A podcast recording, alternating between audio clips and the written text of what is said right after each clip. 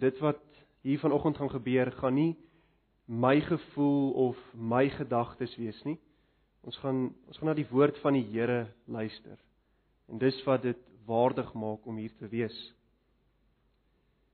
So kom ons begin deur deur saam te bid. Ons Vader in die hemel, Here, ons dankie vir die voorreg wat ons het as u kinders om na u woord te kom luister. Ons dankie vir die fasiliteite wat u ook beskikbaar stel sodat dit ook Here kan geskied. Ons dankie vir mense wat u ook in hulle harte aangespreek het om vanoggend hier te wees. Ons dankie vir alles wat ons ontvang van u wat ons nie verdien nie. Ons vra dat u ons harte nou sal voorberei vir u woord. Here help ons om dit in te neem sodat dit in hierdie week wat voorlê vrug kan dra en dat mense se lewens ook daardeur aangeraak sal word. Here gee dat die woorde wat gespreek word, u woorde sal wees. Ons dankie dat ons hierdie dinge kan bid in die naam van Jesus Christus. Amen.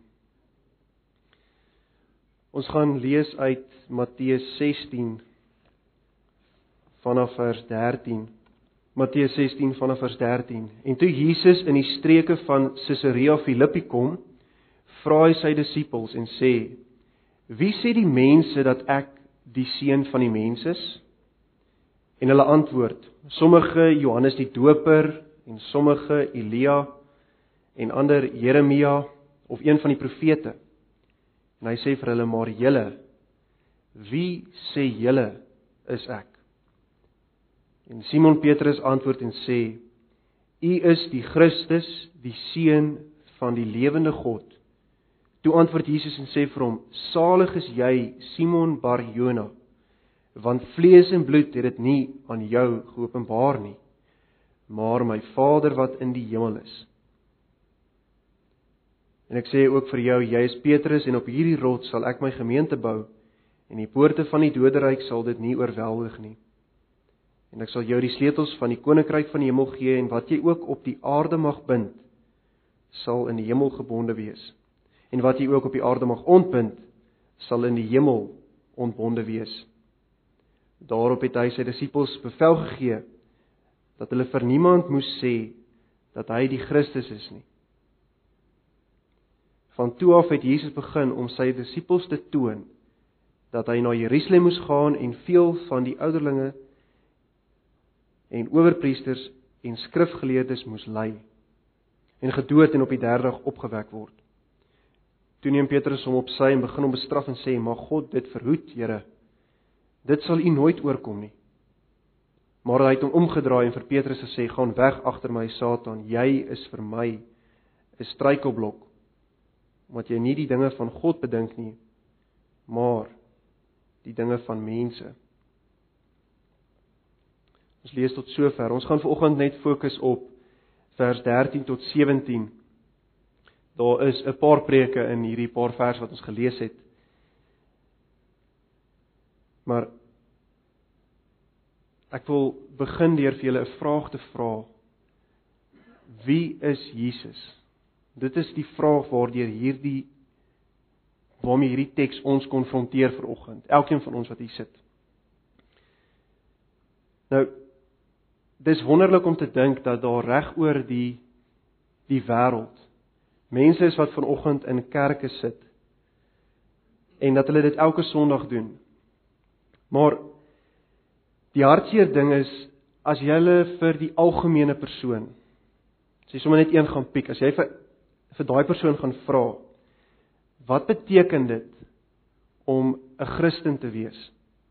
Dan sê jy waarskynlik 'n antwoord kry soos soos volg: beteken om die lekker dinge van die wêreld nie te doen nie, maar die sogenaamde slegte dinge van die Bybel te doen.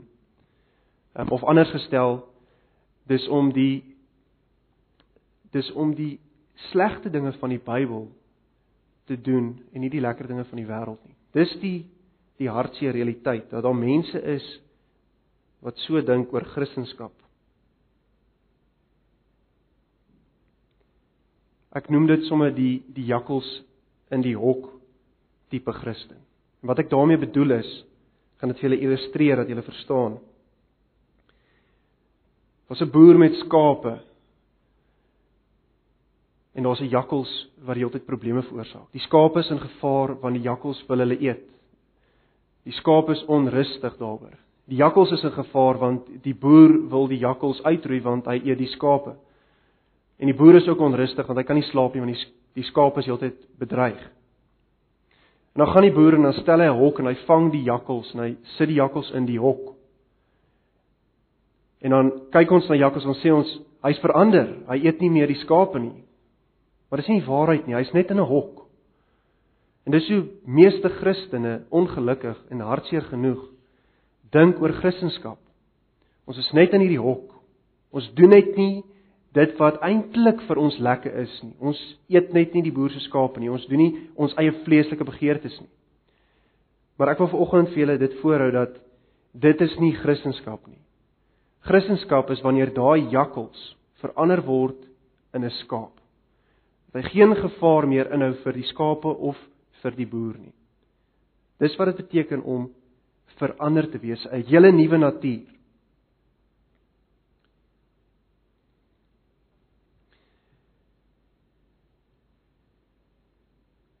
Nou voordat hierdie jakkals nie in 'n skaap verander word nie, gaan daar aanhoudende probleme wees. Dit gaan nie ophou nie. So Christen wees is nie net om die lekker dinge van die wêreld prys te gee, maar dis om die sogenaamde lekker dinge van die wêreld as sleg te beskou. As boos. Maar hoe? Hoe word hierdie natuur verander? Die natuur van die mens word verander deur die Heilige Gees wat kom en die hart kom verander. Dit word gedoen op grond van Christus se kruisdood en opstandingswerk. Lees saam met my daar in 1 Petrus 2 vers 24 tot 25. Petrus skryf in vers 24 van 1 Petrus 2 want selfs ons sonde wat selfs ons sonde in sy liggaam op die kruis dood gedra het sodat ons die sonde kan afsterwe en vir die geregtigheid lewe deur wie se wonde julle genees is. Want julle was soos dwaalende skape maar nou het julle teruggekeer na die herder en die opsiener van julle siele so hierdie hierdie teks verduidelik vir ons hoe dit plaasvind. Dit is op grond van Christus se werk, deur die werking van die Heilige Gees in die hart van sy kinders. En dit is ook om hierdie teks van Matteus oor wie Jesus is, vanoggend elkeen van ons ook hier kom konfronteer. En die vraag is nie wie is Jesus vir jou nie, maar wie is Jesus? Dis die vraag wat ons moet antwoord, want daar's net een regte antwoord sy vir jou iets is en vir iemand anders iets anders is, maak dit nie saak wat hy vir jou is, dit gaan oor wie hy is. Dis 'n absolute waarheid. Dis nie relatief vir jou is dit waar, vir my is iets anders waar nie. So ons gaan kyk na hierdie teks in Matteus 16 in 3 dele. Die deurborende vraag, die deurdinkte antwoord van Petrus en dan die duidelike openbaring. Dis die drie punte. Ons kan dit sommer die 3D's noem. Nou die eerste punt, die deurborende vraag. Kyk na vers 13. Daar vra Jesus die vraag: Wie sê die mense dat ek die seun van die mens is? Vers 15 stel die vraag: Maar wie sê julle is ek?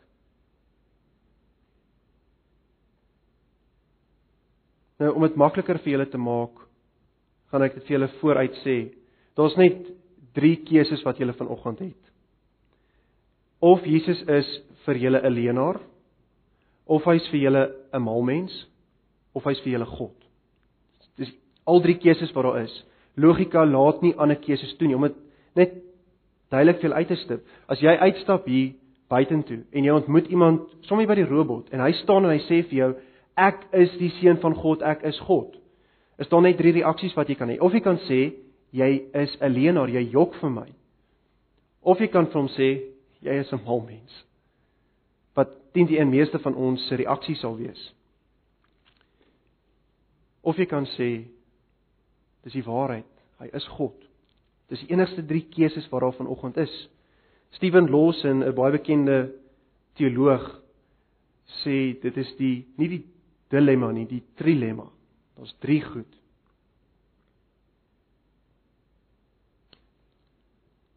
Nou oor die algemeen word mense met met hierdie vraag gekonfronteer. Maar ook elkeen wat vanoggend hier sit.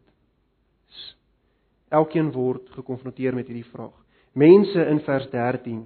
As hy wie sê die mense is ek? Daai mense dui daarop dat hierdie vraag universeel, onvermydelik en nie diskriminerend is nie. Dis 'n vraag wat oor die hele wêreld uitgegaan het en nou nog uitgaan. En dit konfronteer elke persoon. Dis universeel. Soos vanoggend ook gehoor het met die mense wat saamgekom het om oor die uitverkiesing besluite te neem. Dis mense van oral oor die wêreld wat daar kom sit het. Dis universeel. Christendom is nie net vir ons nie. Dis onvermydelik. Jy gaan in jou lewe met hierdie vraag te doen kry en jy moet die regte antwoord hê. In vers 15, maar wie sê julle is ek? Dit bring dit so 'n bietjie nader aan ons. Dit dit dui daarop dat hierdie vraag nie net universeel en onvermydelik en en nie diskriminerend is nie, maar dit dui ook daarop dat hierdie vraag persoonlik is. Dis noodsaaklik. Dis 'n vraag letterlik van lewe of dood. Hierdie is die belangrikste vraag wat enigiemand jou ooit in jou hele lewe sal vra. Wie is Jesus? En dan moet jy jouself die vraag afvra, het ek die regte antwoord? Kan ek daai vraag reg antwoord? Of is jy miskien ook een van daardie mense wat wat hierdie Jesus vir my want in my prentjie is hy 'n mal mens en wie wil nou eintlik 'n vriend met 'n mal mens wees? Of is hy jou God? Nou as jy sê ja dat hy jou God is, dan moet jy ander vrae vir jouself vra. Jy moet vir jou vra, is jou lewe dan so dat dit getuig daarvan dat hy jou God is? Of getuig jou lewe dalk dat hy nie jou God is nie deur miskien te sê ek het God lief, maar wat Johannes ons verwaarsku en dan haat jy jou broer wat jy kan sien. Dan is jy besig om jouself te jok. Jy ook jouself die vraag vra dan is my lewe so dat ek deur my getuienis hoe ek leef Jesus onvermydelik maak verander. Want hoe hoe word die evangelie versprei? Hoe word mense gekonfronteer met hierdie vraag? Deur gelowiges wat die woord uitdra. Maak ek Jesus onvermydelik verander? Dis 'n vraag wat ons moet antwoord.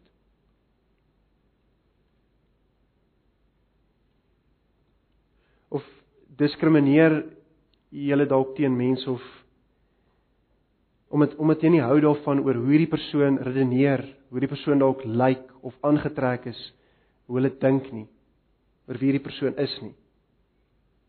Is dit dalk die reaksie wat wat jy het? So hier is belangrike vrae om te vra. Want kyk na vers 15. Hy sê vir hulle: "Maar julle, wie sê julle is ek?" Vers 15 het daai woordjie maar in. Maar julle. Nou, hoekom is die woordjie maar daar? Hierdie maar wys daarop dat Jesus nie tevrede was met die antwoord van die mense nie. Nou, hoekom was hy nie tevrede met die antwoord van die mense nie? Wel, daar's net een regte antwoord en hulle het nie gehad nie. Die mense antwoord in in vers 14 se einde. Dan antwoord hulle hy is Johannes die Doper of hy's Elia of 'n profeet.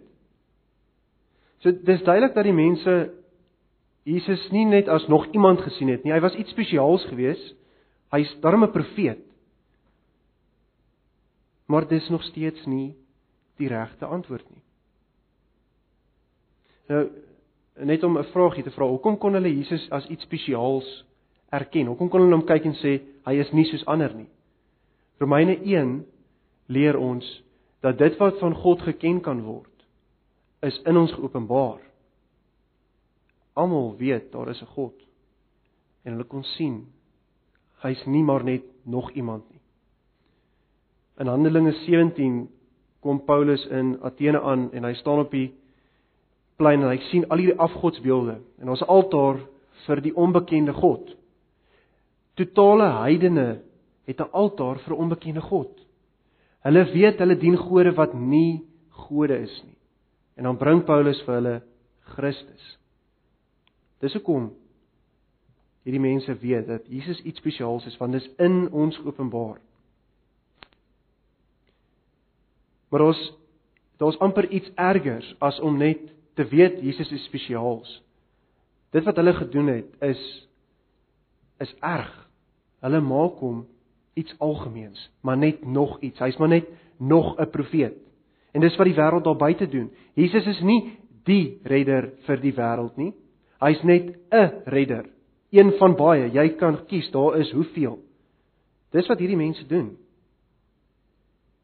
Maar ek wil vanoggend net vir julle sê Jesus is nie net 'n redder nie. Hy's die redder. Hy's nie soos 'n Allah nie. Hy's nie soos 'n Boeddha nie. Hy's nie Zeus of watse afgod jy ook al wil insit nie. Hy is die God, die redder. Hy's nie 'n profeet nie. Hy's die profeet. Hy's nie 'n koning nie. Hy's die koning. Hy's nie 'n priester nie. Hy is die priester. 'n definitiewe feit. Nou as dit waar is dat hy die God is en hy's die redder, dan is dit ook waar dat ons vanoggend elkeen wat hier sit hom nodig het. So so vra jou jouself die vraag: Maak ek deur hoe ek lewe Jesus noodsaaklik? Getuig my lewe daarvan dat ek erken dat Jesus noodsaaklik is? Of leef ek asof daar baie weë is om gered te word? Maak my manier van van hoe ek lewe, hoe ek met mense omgaan, dit duidelik vir mense dat hy die weg, die waarheid en die lewe is. Of is hy net 'n weg, 'n waarheid en 'n lewe? Maak jou lewe dit duidelik. Nou ek weet dit is direkte vrae, maar ons moet elkeen hierdie vrae antwoord. Want ons het aan die begin gesê hierdie is 'n vraag. Wie is Jesus 'n vraag wat lewe of dood inhou. So kan mense deur jou getuienislewe sien dat jy van Jesus 'n saak maak van lewe of dood. En as jy nie ja kan antwoord nie, dan is daar 'n probleem. Dit bring ons by die tweede punt. Paulus se ag Petrus se deurdinkte antwoord. Kyk saam met my na vers 16. En Simon Petrus antwoord en sê: U is die Christus, die seun van die lewende God. U is die Christus. Dis 'n absolute verklaring. Hy sê nie u is miskien 'n gesalfde wat gekom het nie, u is die Christus. Waarheid is nie relatief nie. Waarheid is absoluut. Daar is iets soos waarheid. In die wêreld daar buite hou nie daarvan nie. Die wêreld sê as jy dit jou waarheid wil hê, dan is dit vir jou waar, maar moenie jou waarheid op my kom afdwing nie. Dis wat relativiteit beteken. Iets is vir jou waar, maar dit beteken nie dit moet vir my waar wees nie. Dis nie wat die Bybel leer nie. Die Bybel is vol absolute waarhede. Dan sê hy ook is die Christus, Nou wat hy daarmee bedoel is, ons weet klaar, hy is die enigste weg, maar ook hy is die enigste een wat deur die hele menslike geskiedenis verwag was. Wat bedoel ek daarmee? Niemand het 'n Hitler verwag nie. Niemand het 'n Napoleon verwag nie. Dis mense wat gekom het en gegaan het. Hulle koms was nie duisende jare vooruit voorspel waar hulle gebore sou word, wat hulle sou doen. Dit was nie gesê nie. Jesus se koms was. Hy was die enigste verwagte persoon. Nou, as dit waar is dat hy die verwagte persoon was, vra jouself dan weer: lewe ek soos iemand met 'n verwagting? Leef ek soos iemand met 'n verwagting? Lewe ek soos iemand wat erken dat God, Jesus Christus, enige oomblik kan terugkom? Of dink ek môre is nog 'n dag maar net? Ek sal later hierdie belangrike vraag gaan ondersoek en probeer antwoord.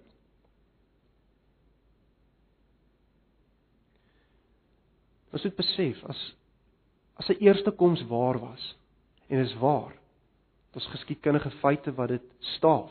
Sy eerste koms waar was en hy was die verwagte persoon van hierdie eerste koms. Dan kan ons 'n verwagting hê want sy tweede koms gaan ook waar wees. Dis nie iets wat ons kan ontwyk nie. Kyk verder na vers 16. Hy sê daar is die Christus. En wat beteken dit as hy sê is die Christus?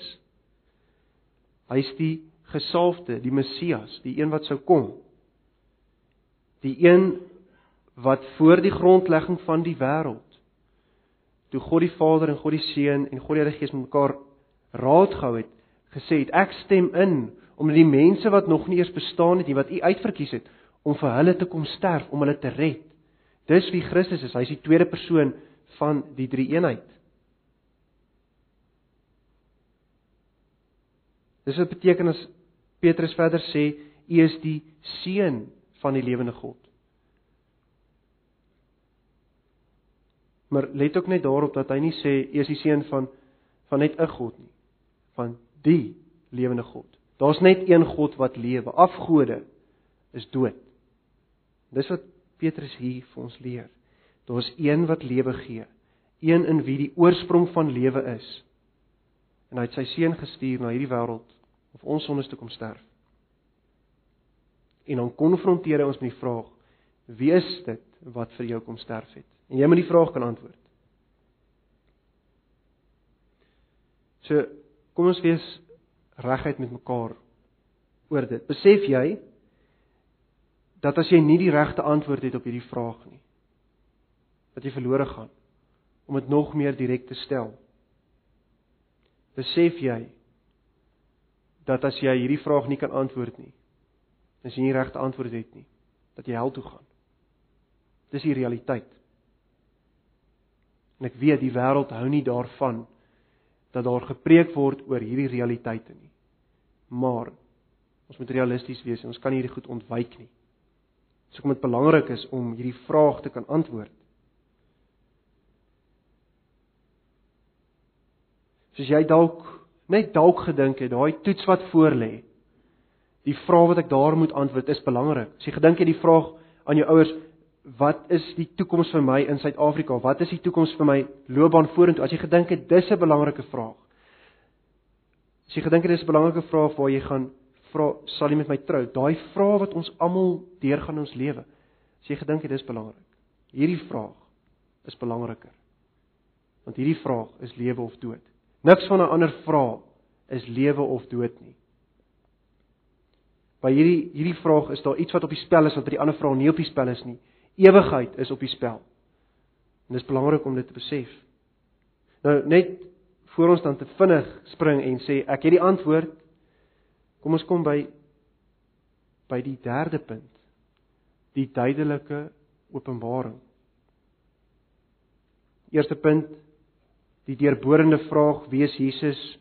Die tweede punt die deurdinkte antwoord van Petrus. Hy het nie net geantwoord nie, hy het gedink oor hierdie antwoord. En dan die derde punt, die duidelike openbaring vers 17. Toe antwoord Jesus en sê vir hom: Salig is jy, Simon Barjona, want vlees en bloed het dit nie aan jou geopenbaar nie, maar my Vader wat in die hemel is. Vlees en bloed het dit nie aan jou geopenbaar nie. Wat wat bedoel hy daarmee? Hy bedoel dis nie 'n mens wat na jou toe gekom het en gesê dit is Jesus nie. Dis nie my eie krag, my eie inspanning, my eie probeerslag nie. Dis nie hierdie ek gee my hart vir Jesus teologie nie. Romeine 3 is in elk geval in stryd met daardie hele teologie. Romeine 3 sê ons is dood in ons sondes. En 'n lijk kan nie antwoord nie. Hy moet lewend gemaak word voor hy kan antwoord. Dis nie vlees en bloed nie. Dis nie jouself wat Jesus aan jouself openbaar nie. Dis ook nie menslike wysheid nie. 1 Korintiërs 1 sê vir ons dat dit wat die wêreld sien as wysheid, is by God dwaasheid. En dit wat God as wysheid kies, is vir die wêreld onaanvaarbaar. Maar die dwaasheid van hierdie wêreld dat iemand kom sterf en daardie redding bewerk. Dit wat vir hierdie wêreld dwaasheid is. Dit het God gekies om wysheid te wees, om mense daardeur te red. Dis ook nie is ook nie hierdie gevoel ding van my gevoel oortuig my dat dit is wie Jesus is nie.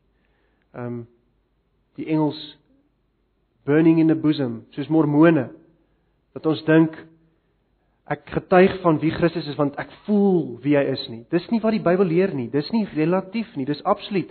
Jeremia 17 vers 9 waarsku ons in geval teen dit wat uit ons hart uitkom. Die hart is bedrieglik bo alle dinge. Wie kan dit ken? Ons kan nie op ons gevoel staatmaak wanneer dit kom by 'n vraag wat belangrik is soos hierdie vraag nie. Ons moet die waarheid oor hierdie vraag hê.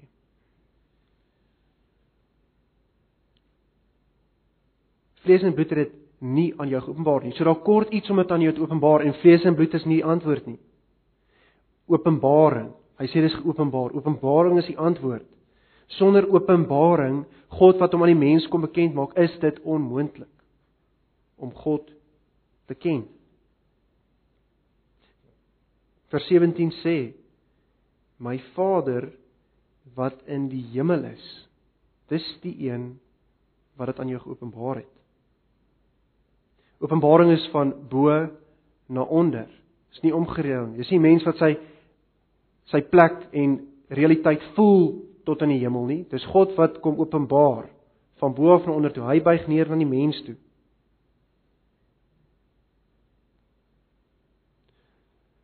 Calvin skryf in sy instituties dat die mens kan God nie ken as hy nie homself ken nie. En die mens kan homself nie ken as hy nie God ken nie. Maar nou dit klink teenstrydig. Die mens kan God nie ken as die mens nie homself ken nie. Maar die mens kan homself nie ken nie as hy nie God ken nie. So wat wat is dan die antwoord? Die antwoord is openbaring. God moet kom en hom aan jou openbaar. As dit nie gebeur nie, kan jy nie hierdie vraag antwoord nie. Verstaan julle hoekom hoekom dit so belangrik is om die regte antwoord te hê vir hierdie die regte antwoord vir hierdie vraag te hê? Verstaan julle hoekom ek ook aan die begin gesê dat dis nie julle tyd werd om hier te kom sit en te luister na my gevoel en my gedagtes nie, maar dit is die moeite werd om te kom sit om te luister wat sê die Bybel oor hierdie vraag, oor wie Jesus is. Sodat ons hier kan wegstap en 'n antwoord kan gee op hierdie vraag wat waar is. En die antwoord is nie dat hy Jeremia of Johannes die Doper of Elia is nie.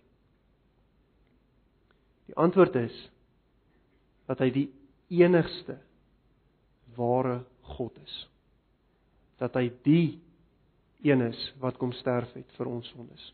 Dis die antwoord daarop. Hy's die seun van God. Hy's God self.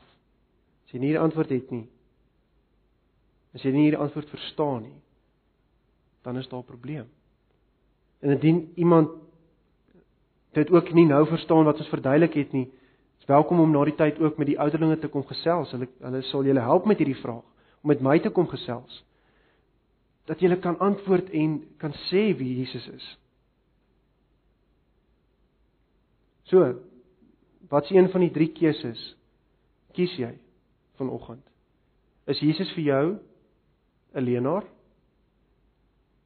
Is hy vir jou 'n malmens of is hy vir jou God? Die Engels sê dit mooi, die drie keuses wat daar is, is hy 'n liar, 'n lunatic of lord? Dis die drie keuses wat jy het. Wat is 'n lunatic? Wat 'n mal mens? Die woord lunatic kom van lunar af wat die fasisse van die maan verduidelik. Die een dag is hy so, die ander dag is hy so. Dis iets wat heeltyd wissel. Is dit wie God vir jou is? Is hy daai God wat ek kies wat by my omstandighede vandag pas? Hy's daar as ek hom nodig het, as ek iets kort.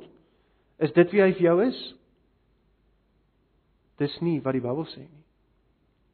Sy 'n leenaar vir jou, is hy dalk iemand wat jy lees die Bybel en jy trek beloftes uit die Bybel uit wat nie eers daar staan nie en jy eien dit vir jouself toe en dan kyk jy na God en sê hoekom is u nie getrou aan die beloftes nie? En dan maak jy hom tot leenaar omdat jy nie sy woord reg lees nie. Is dit wie hy vir jou is? As dit is, dan jy ook nie regte antwoord nie.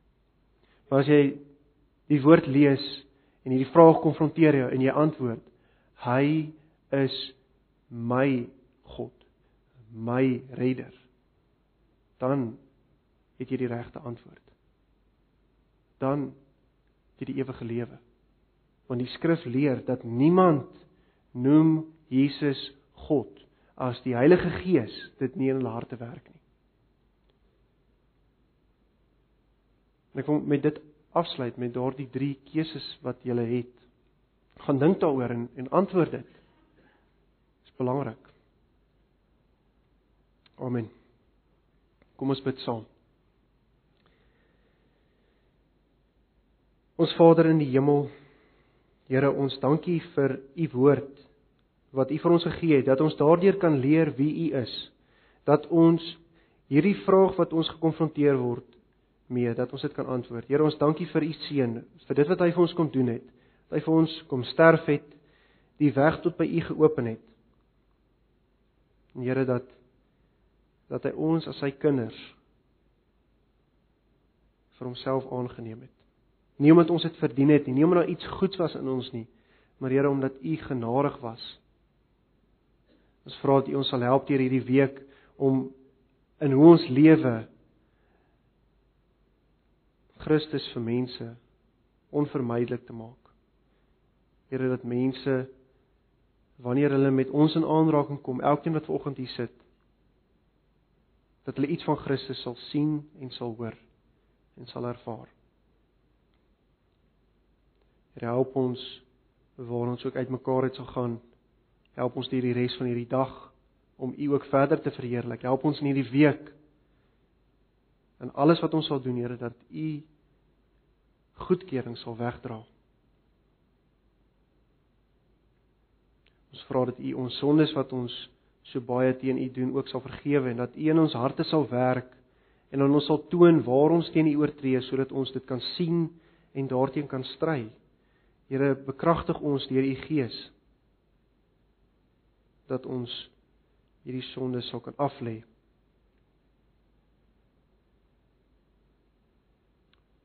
Here ons dankie dat ons al hierdie dinge kan bid in die naam van Jesus Christus. Die genade van die Here Jesus Christus en die liefde van God die Vader en die gemeenskap met die Heilige Gees sy met julle almal. Amen.